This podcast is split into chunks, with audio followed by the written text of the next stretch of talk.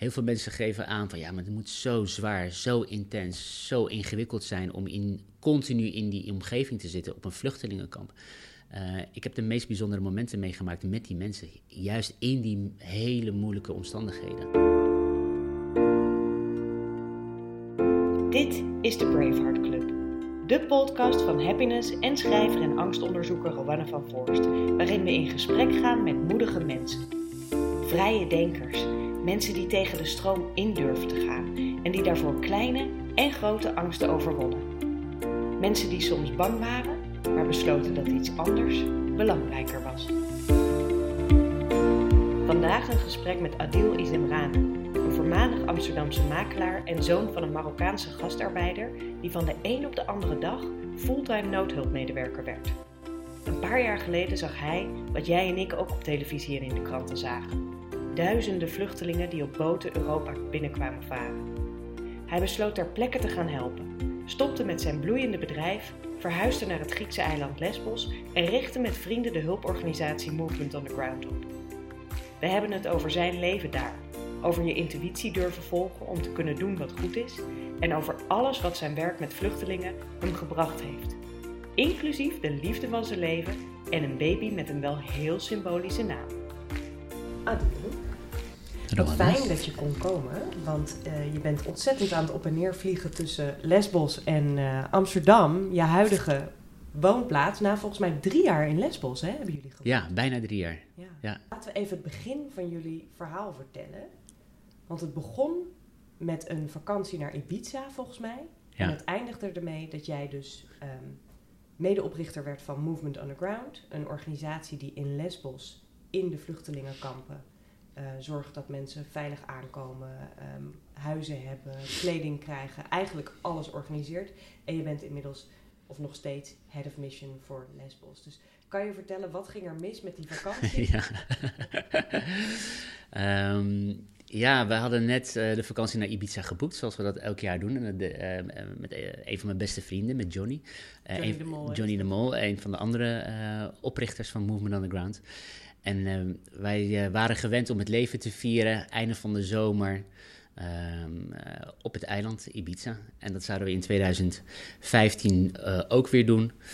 Um, tot het moment van de foto. De foto van Aylan Kurdi, het kleine jongetje, het jonge jongetje.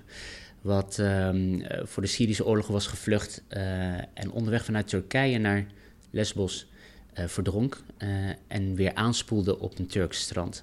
Ik denk dat we allemaal die foto's nog heel goed kunnen herinneren. Uh, die ging de wereld rond. en ik was geschokt, het raakte mij zeer. ik, kon, ik kon mijn tranen niet bedwingen bij het zien van die foto. Ik was op dat moment nog geen vader van kinderen, maar we, kinderen waren altijd heel bijzonder in mijn leven. Ik ben peetvader van verschillende kinderen van vrienden. Um, en ik kon gewoon niet begrijpen hoe ik in een wereld leefde waar kinderen aanspoelden op stranden. Uh, brandhout spoelt aan op uh, stranden, niet kinderen.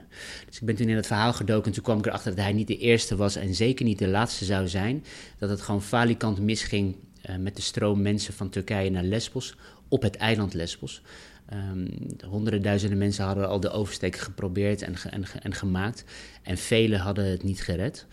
Um, en um, ik, sprak Johnny. Johnny had die foto ook gezien. We spraken elkaar uh, nog dezelfde dag. Um, uh, en hij zei: Ja, maar wij, kun, wij kunnen niet naar Ibiza, uh, het party-eiland, handjes in de lucht, voetjes in het zand. Terwijl er een stukje verderop kinderen verdrinken en aanspoelen op stranden. Dus we hebben onze vakantie gecanceld en hebben besloten om vrijwilligerswerk te gaan doen op Lesbos. Om te kijken hoe we daar konden helpen. en dat was eigenlijk het begin. Ja, en dan zeg je iets, want ik denk dat inderdaad heel veel mensen hebben die foto gezien. Maar er zijn maar heel weinig mensen die op dat moment dachten, weet je wat, ik ga er gewoon naartoe. Ik ga iets doen. Dus hoe werkt dat dan bij jullie, dat jullie dat lef hadden, of uh, misschien wel de naïviteit, ik weet niet wat het was, ja. om dat echt te gaan doen? Ja, misschien was het een cocktail van, van alles. Um, wij, wij zijn altijd mensen geweest die in het midden van het leven staan.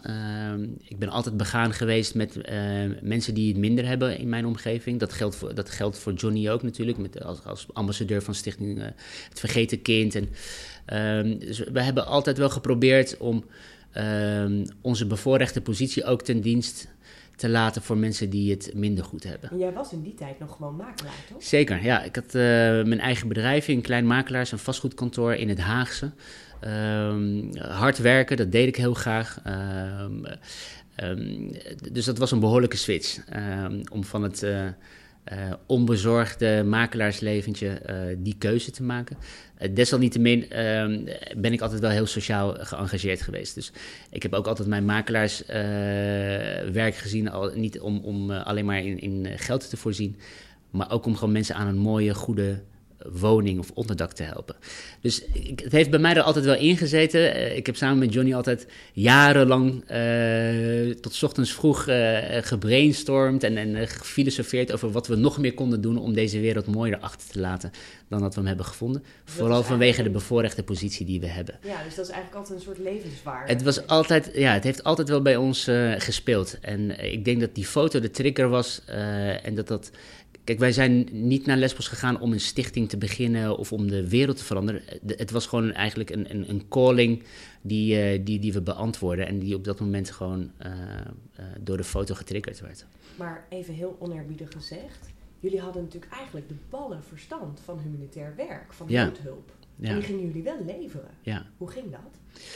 Um, ja, wij dachten dat we goed waren voorbereid. Uh, ik had me goed ingelezen. Ik had veel op social media gezien. Ik had ook echt wel uh, tot midden in de nacht uh, geprobeerd ook veel over de humanitaire wereld te lezen. Um, maar niks had ons kunnen voorbereiden op wat we daar hebben gezien. Het, de dag dat wij arriveerden kwamen er 10.000 mensen in 24 uur aan in rubberen bootjes. Weet je nog welke datum dit was? Dit was 1 oktober 2015. Dat, weet ik, dat zal ik nooit vergeten. Um, overigens was dat niet alleen uh, Johnny en ik, maar hadden ook andere vrienden uh, zich uh, aangemeld. Op het moment dat ze te horen kregen dat wij niet naar Ibiza zouden gaan, maar naar, naar Lesbos. Chrissy, Ron en, en Philip. Dus we waren met z'n vijven. en nogmaals, wij dachten dat we goed waren voorbereid. Um, maar ik denk dat het historisch is wat daar zich heeft voltrokken. ik bedoel, de maand oktober 2015 zijn er 135.000 mensen op dat eiland aangekomen. Uh, dat is bijna twee keer de populatie van het, van, het, van het eiland zelf. Ja, en ik, heb jou, ik ben op Lesbos geweest. Ik heb jou daar ontmoet uh, een paar jaar geleden toen ik daar onderzoek aan het doen was. In de vluchtelingenkamp ja. waar jullie werken. Ja. En als je daar de berg reddingsvesten nog steeds ja. ziet, dan kan je een heel klein beetje voorstellen wat jullie toen moeten hebben meegemaakt. Want hoe kwamen mensen aan? Ja, mensen kwamen dus in rubberen bootjes. Dat veel mensen de beelden hebben gezien op het, op het journaal of in, of in de media. Uh, bootjes waar normaal gesproken wettelijk gezien maar 12 of 16 mensen op mogen. Daar, werden soms 80 mensen op geplaatst. Uh, vaak onder dwang van smokkelaars. Uh, we hebben zelfs mensen gesproken en gezien die zelfs onder dwang van pistolen op de boten werden gezet vanuit Turkije om de oversteek te maken. Uh, dus veel mensen. Dan hadden ze wel betaald voor een mensensmokkelaar, maar dan wisten ze van tevoren niet dat ze met zoveel. Precies, mensen... ja. En, toen gaven, en dan geven ze weerstand van ja, maar dit ga, ik ga mijn gezin, mijn kinderen niet uh, in deze boot uh, in gevaar brengen. En dan, dan werden er gewoon pistolen getrokken. En dan werden mensen gewoon gedwongen om toch die boot op te gaan. Uh, dus wij, wij hebben mensen ontvangen die, die gewoon echt uh, de dood meerdere malen op open zee uh, in de ogen hadden gezien. apocalyptische taferelen. ook mensen die zo uitgeput waren dat ze jullie wel eens de kinderen gaven en dan flauw vielen. Hè? Ja, um, ik, een van de dagen, een van, in die eerste week, um, dat, waren de, dat was de, een van de drukste dagen van het jaar, kwamen er honderd boten in, in Etmaal aan. ik heb een tien dagen oud babytje in mijn handen gekregen uh, van de moeder, waarvan de, nog de hechtingen van haar keizersnede nog in, in haar buik zaten. vrienden hebben zich daarover ontfermd en hebben we uiteindelijk van het zuiden van het eiland naar het noorden van het eiland ambulance moeten spelen om, om, om het leven te redden. Het is gelukkig allemaal goed gekomen, ze hebben het allebei gered. maar ik heb ook een oudere dame van 70 in een rolstoel van een boot moeten afhalen, die gewoon niet meer kon lopen. Um, ja, het is onvoorstelbaar. Ik, ik, vertel het nu, maar het is onvoorstelbaar wat we daar hebben gezien, hebben meegemaakt. Als ik uh, terugdenk aan, aan de beelden van die tijd, zag je inderdaad uh, een handjevol vrijwilligers af en toe met blote benen in die zee staan en mensen maar van de boot afhelpen. Um, in je verhaal hoor ik bijna geen twijfel. Was die er wel eens aan je eigen kunnen of aan wat er aan het gebeuren was en of je dit wel moest doen, kon doen? Ja. Ehm, er was geen twijfel uh, in de keuze maken om er naartoe te gaan. Ehm, we hebben geen tijd gehad, we hebben geen seconde de tijd gehad om te twijfelen op het moment dat we ons in de situatie bevonden. Uh, ik heb het er vaak over uh, die eerste week. Ik heb daar een kant van mezelf gezien die volledig op intuïtie heeft gevaren. En dat was, ik krijg er nu kippenvel van. dat is iets wat ik nog nooit eerder had ervaren tot dat op, op dat moment. en dat, dat had te maken met dat er overal hulp nodig was. En dat er het overal om leven of dood ging in, vaak in, in, in, in heel veel situaties. Um, je zag dat er mensen gewoon heel primair uh, hulp nodig hadden. En dat alles uh, wat gevraagd werd, intuïtief werd gegeven door, door, me, door mezelf.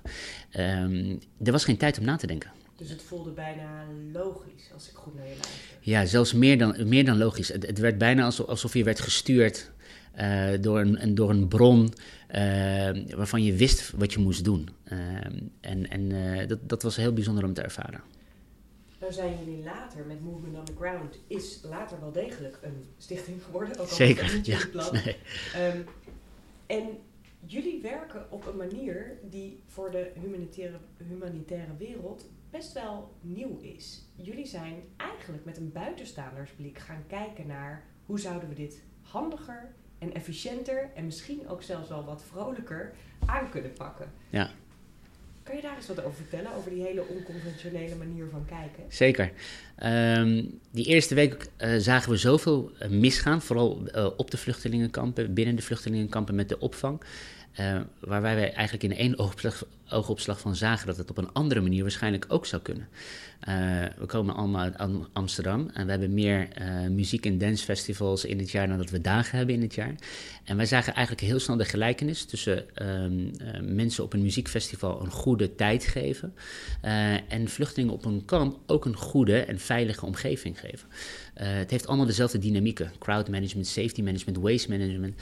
Um, dus wij bedachten van wat als we nou een vluchtelingkamp om zouden bouwen uh, als een muziekfestival. Om orde uh, te scheppen, om een veilige omgeving te scheppen voor de mensen. Ja, want dit is misschien nog wel goed voor mensen om te weten. In, zeker in de beginperiode waren de kampen die er werden opgebouwd uh, een totale chaos. Hè? En een totale chaos. aan alles tekort. Ja, ja. Uh, en wij zagen dat mensen die uh, gevlucht waren voor oorlog, voor vervolging, voor vaak de dood, soms in nog deprimerende omgevingen en uh, in een vluchtelingenkamp uh, terechtkwamen, waar het gewoon hopeloos, waar mensen soms nog verder down the drain gingen. Uh, en ik had, ik had zoiets maar hoe kan het nou zo zijn dat mensen die alles kwijt zijn, in kampen worden geplaatst? Je zou juist willen dat mensen die alles kwijt zijn geraakt, in een helende omgeving terechtkomen. In een omgeving wat ze weer bovenop brengt. Um, als jij ziek bent of als ik ziek ben, dan, dan sturen we je ook niet naar een kippenboerderij om te helen. Dan ga je naar het ziekenhuis om te helen. Want dat is namelijk de beste plek waar je kunt helen. Dus waarom plaatsen we mensen die heling nodig hebben in kampen? En, en vanuit die gedachtegoed uh, hebben wij eigenlijk uh, de filosofie bedacht, uh, From Camp to Campus. Waarbij wij vinden dat we af moeten van het concept van kampen. Uh, en meer naar een campus, een campus in het Engels, waarbij het gaat dat je samen met elkaar probeert die helende omgeving, die zelfvoorzienende omgeving te creëren. En dat mag vrolijk, dat mag met kleur uh, en niet de grijze, grauwe, witte omgevingen die het vluchtelingenkampen vaak zijn. Um, en, en, laten we dat vooral ook doen met eventueel muziek, maar laten we dat vooral doen met educatie, laten we dat doen met innovatie, laten we zorgen dat de mensen gewoon goede een goede innovatieve omgeving krijgen, zodat ze ook de tools krijgen om een nieuwe toekomst op te kunnen bouwen. Um, en dat zijn dingen waar, waar we nu wel voor oplopen en we ook zien dat dat effect heeft op de mensen. En vooral ook op de mentale gesteldheid van mensen.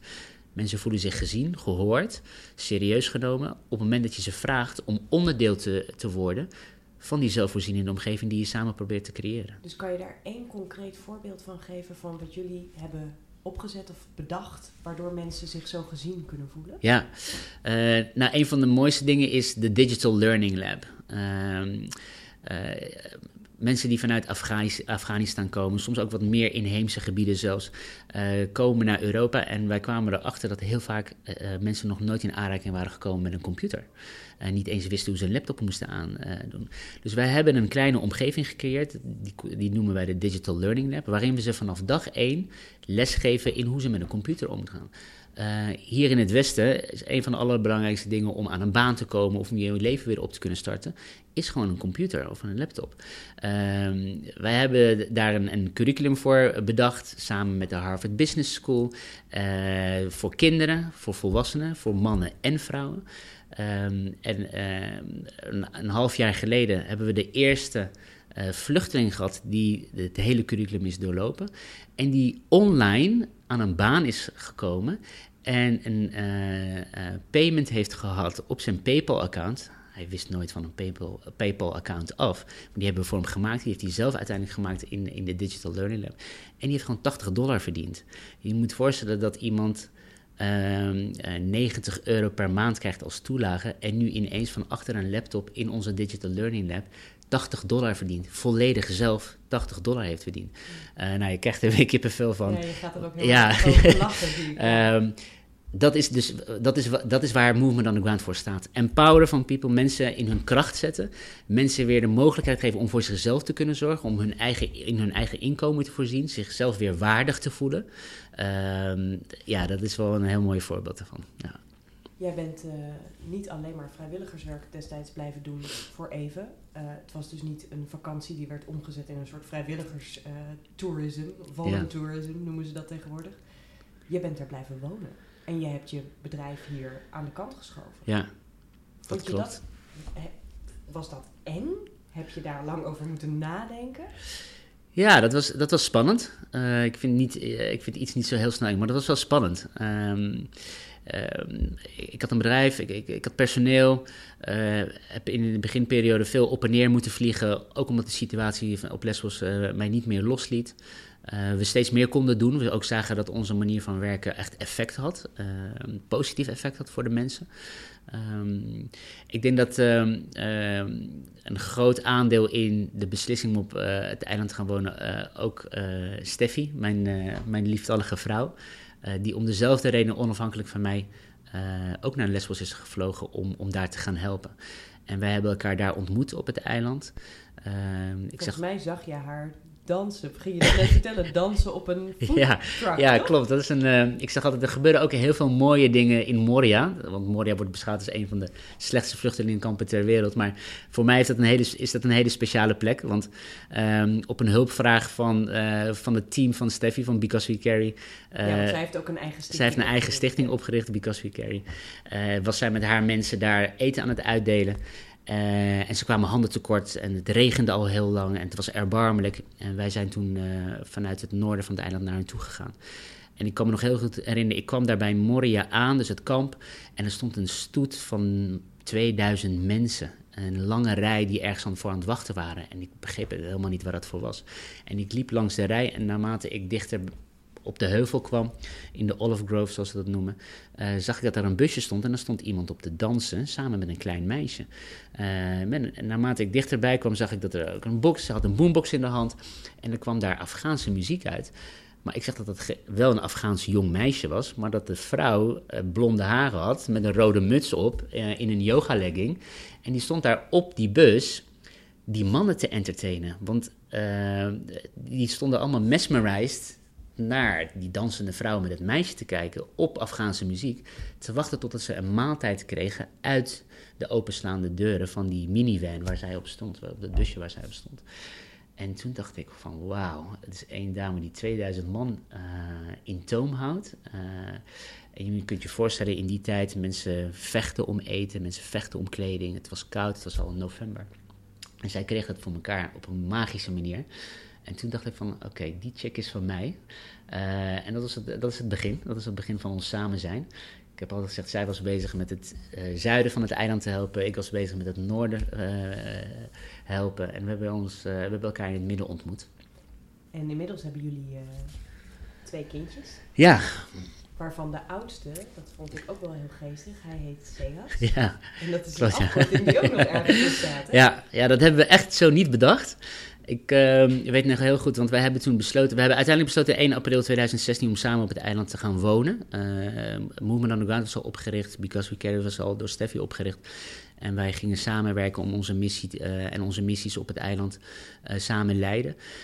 Um, Steffi raakte zwanger en we hebben toen besloten om in Athene Ceas te laten geboren. en ik weet nog heel goed dat de eerste, het eerste bezoek naar de gynaecoloog en we wisten dat het een jongetje was, zaten we in de taxi. Nou, helemaal in de gloria. En, en uh, Steffi zegt, uh, wat vind jij van de naam Kees? ik zeg, nou schat, ik vind... Ik, jij hebt een Marokkaanse achtergrond. ja, ik heb een Marokkaanse achtergrond. Nou, ik vind Kees een hele leuke naam. Maar ik zag, voorzag, voorzag wel een internationale carrière voor uh, onze zoon. Dus ik zeg, dat wordt wel lastig voor hem als hij in, in het buitenland zich gaat voorstellen. Hi, I'm Kees. En dan zie ik al de, de vragen uh, van, what kind of case? Beauty case, suitcase, nut case? Ik zeg, schat, dat wordt case closed. Nou, daar moesten natuurlijk om lachen, dat begreep ze wel. En toen eigenlijk een paar minuten later, wat vind jij dan van de naam Cees? Ik zeg, nou, dat vind ik een hele leuke naam. Uh, maar laten we het dan wel op internationaal schrijven, met een beetje een Grieks steentje. Hij gaat in Athene geboren worden. Uh, dus Cees, maar dan met EA, Ceas. Zeg maar, voordat we dat doen, laten we eerst even dan even googlen, voordat we de, jongen niet met een rare naam opzadelen. Dus ik google de naam Ceas en eigenlijk de allereerste hit bovenaan uh, zie ik staan CEAS, is de afkorting CEAS, staat voor de Common European Asylum System. En dat is zeg maar het Europese uh, verdrag uh, wat de vluchteling beschermt. Nou ja, wij, dat is de derde keer dat ik weer kippenvel krijg, wordt een beetje saai zo.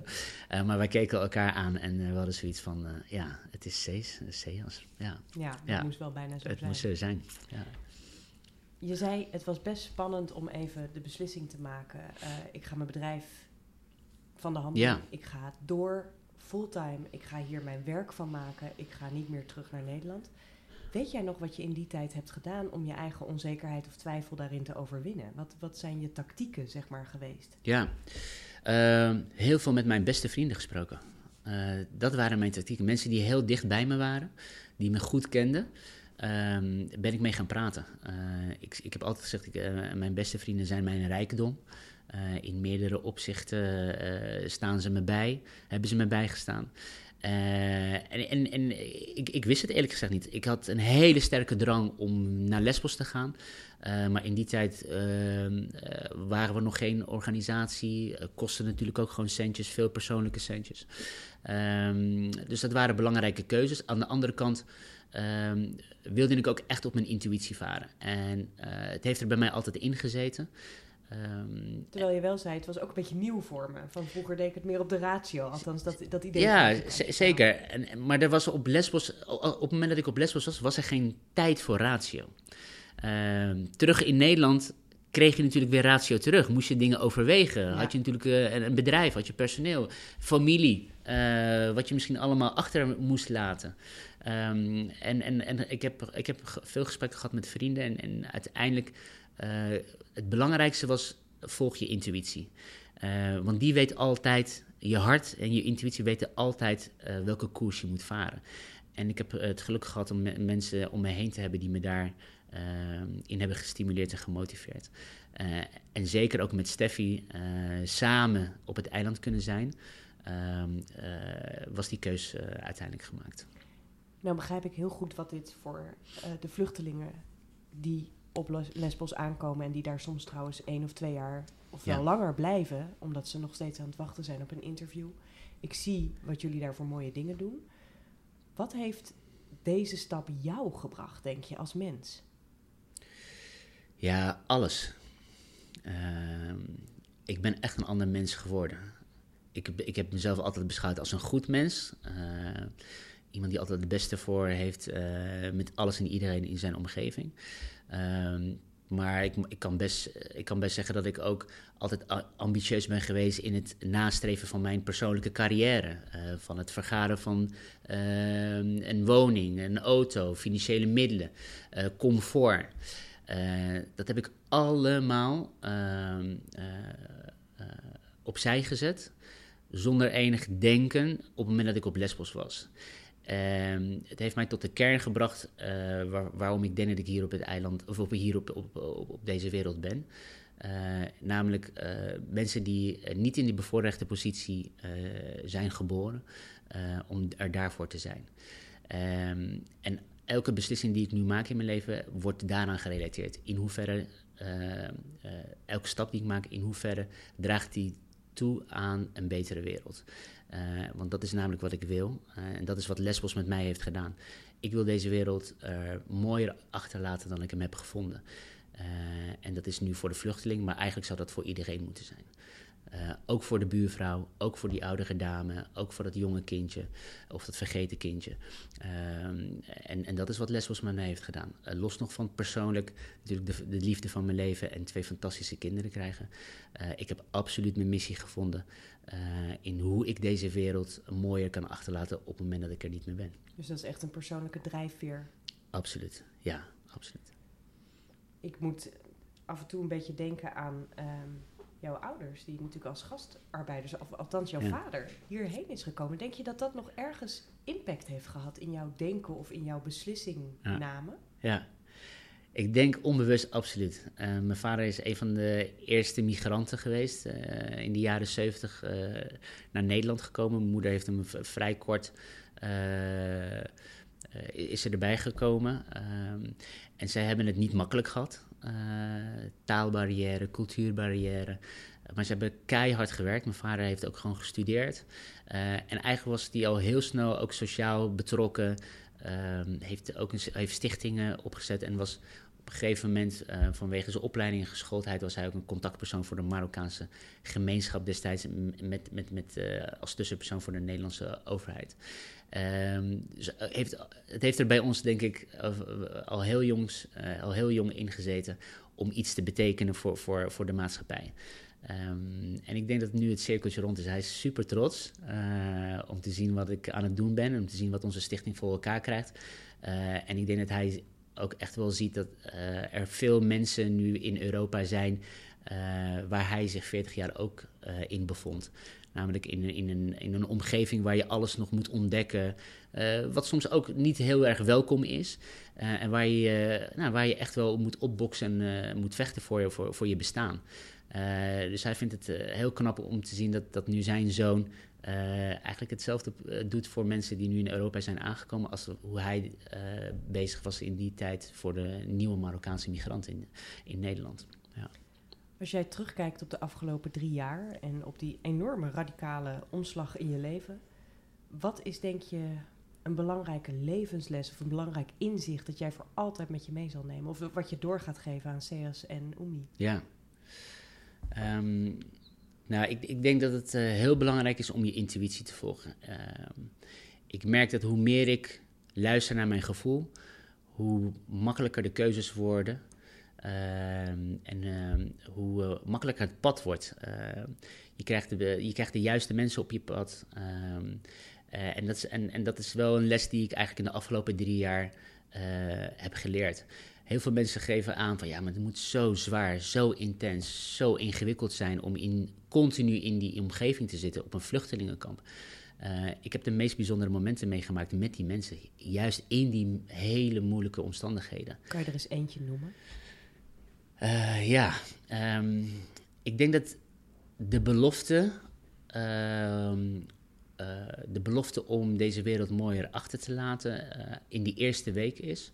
Ik weet nog heel goed dat wij ehm, plannen aan het maken waren om in de nacht de boten te gaan ontvangen. We wisten dat de boten gingen komen in grote getalen. Op, het moment, op dat moment dat wij aan het praten waren, komt er een reddingsboot binnen in de haven van Mollifos. Dat is een dorpje in het noorden van het eiland. Uh, waarvan wij direct zien dat er ongeveer 70 mensen in, in reddingsvesten uh, op zitten. Uh, wij rennen naar beneden naar het haventje om te kijken of er hulp nodig is. want er was bijna niemand op dat moment, waren alle hulpverleners op de stranden. En deze mensen bleken dus al urenlang in het water te hebben ge, gelegen, omdat hun rubberboot lek was geraakt uh, ongeveer twintig kinderen, waarvan ook hele jonge kinderen.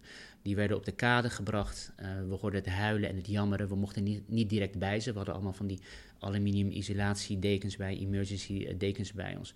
Maar ze moesten eerst geregistreerd worden. En ik, en ik, ik zag ze bibberen en, en, en shiveren en blauwbekken en um, jammeren en huilen. Na twintig minuten, kleine half uur, mochten we eindelijk bij ze. En konden we ze naar een plekje brengen waar ze beschut uit de wind uh, van nieuwe kleding konden worden voorzien. We hadden allemaal dozen met kleding bij ons, eten, drinken. Um, en voordat we het wisten, bevonden we ons in een eerste hulpoperatie. Um, en dat was in de eerste week. Um, kinderen, ouders, uh, uh, moeders die volledig verkleumd en verkrampt waren. En het, dat heeft tot drie uur in de nacht geduurd. Uh, maar net voor, voor, voor, uh, net voor uh, dat iedereen van eten was voorzien, was er nog een klein meisje van vier jaar wat nog steeds helemaal doorweekt en nat was. En die wilde ik gaan ontkleden en van, van droge kleding voorzien. Ik tilde haar op en zij greep een gloeilamp vast en brandde haar vingers. maar vanwege het trauma, die hing daar, die hing daar om, om, om, om verlichting te geven in het donker. En je moet je voorstellen, er waren alleen maar uh, zeiltjes en, en, en zomertentjes uh, provisorisch in elkaar gezet. Uh, en, en, zij pakte die gloeilamp, brandde haar vingers en zij begon te huilen. Ze stopte nooit meer met huilen vanwege het trauma wat ze had meegemaakt de uren daarvoor. En haar vader en moeder en drie broertjes konden niets doen. Haar vader en moeder waren volledig verkreumd, verkrampt. en ik ontfermde me over haar en het heeft bijna een uur geduurd om haar te kalmeren. Ik kreeg haar gewoon niet gekalmeerd. En het huilen gaat nog steeds door merg en been. Uh, een meisje van ongeveer vier of vijf jaar.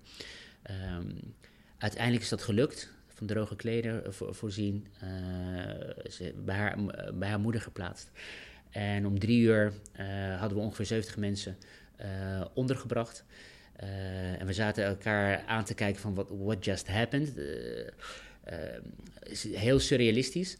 Ehm, nog bij te komen van die uren. Uh, en net op dat moment komt die vader naar mij toe. Die was eindelijk op kracht gekomen en die had begrepen dat ik Arabisch spreek. En die komt naar me toe en die omhelst mij en die begint shukran, shukran, shukran te zeggen. Dat is in het Arabisch dankjewel. Uh, en dat is dankjewel dat je vader voor mijn dochter was op het moment dat ik geen vader voor mijn dochter kon zijn. En wij begonnen allebei te huilen. En dat gaat... Ja, dat is, dat, nu dat, wij weer. nu zitten wij weer. Uh, en en dat, die dankjewel, uh, die had ik nog nooit in mijn leven gehoord. Je zegt tien, wij zeggen tien keer op een dag dankjewel voor iemand uh, die een drankje aanbiedt... of iemand die de deur voor je openhoudt of de stoel aanschuift. Maar dat dankjewel had ik nog nooit in mijn leven gehoord. Um, en en, nee, en um, ja, dat, daar heb ik de belofte gemaakt. Uh, ik zou de wereld tekort doen. Ik zou alle vaders of moeders tekort doen om niet dat dankjewel te mogen horen. Op het moment dat zij geen vader of moeder voor hun dochter of voor hun zoontje kunnen zijn. Um, en en dat, is, dat, is, um, ja, dat is wat, hoe het mijn leven heeft veranderd. Uh, uh, want ik denk dat het daarom gaat. Ik denk dat, het, uh, dat we hier op aarde zijn om elkaar te helpen. Op het moment dat we niet vader of moeder kunnen zijn, of op het moment dat we niet voor onszelf kunnen zorgen. Um, en ja, dat, dat, dat, is een moment wat me voor de rest van mijn leven zal bijblijven. En als je het hebt over wat ik mijn kinderen zou willen meegeven, um, zou, zou ik daarmee beginnen. Ja. Wil je graag één vraag stellen die ik aan iedereen stel die hier komt? Deze podcast gaat over moed en over dapper zijn. Wat is dat, denk je, voor jou? Wat is moedig zijn? Ja, uh, vind ik een lastige vraag. Um, want ik zie mezelf niet als een, een, als een moedige of een humanitaire held. Uh, ik zie mezelf als iemand die uh, een, een calling heeft gevonden en daarnaar beantwoordt. en misschien is dat de grootste moed. Luisteren naar dat diepe stemmetje in je hart, wat we misschien niet elke dag doen en wat we misschien juist heel eng vinden of spannend vinden. Um, um, ja, ik, ik denk dat, dat uh, misschien het meest moedige is naar je hart luisteren. Want dat weet wat juist is. Dat weet wat juist is, ja. En ik denk dat het, eh, in, de, in de wereld waarin we leven, waarin er zoveel ruis is en waar er zoveel natuurlijk op ratio wordt gedaan, dat dat heel spannend is, omdat, dat, omdat je dat niet overal om je heen ziet. Ehm, ehm, maar voor, mij is dat moed. Mensen die, mensen die eh, bereid zijn om naar hun hart te luisteren. Eh, wat misschien wel het allermoeilijkste is in, in de maatschappij waarin wij leven. Dankjewel. Alsjeblieft. Dit was Braveheart Adil Izemra. Wil je meer weten over zijn organisatie Movement Underground? Ga dan naar happiness.nl slash podcast of kijk op happiness.nl slash braveheart.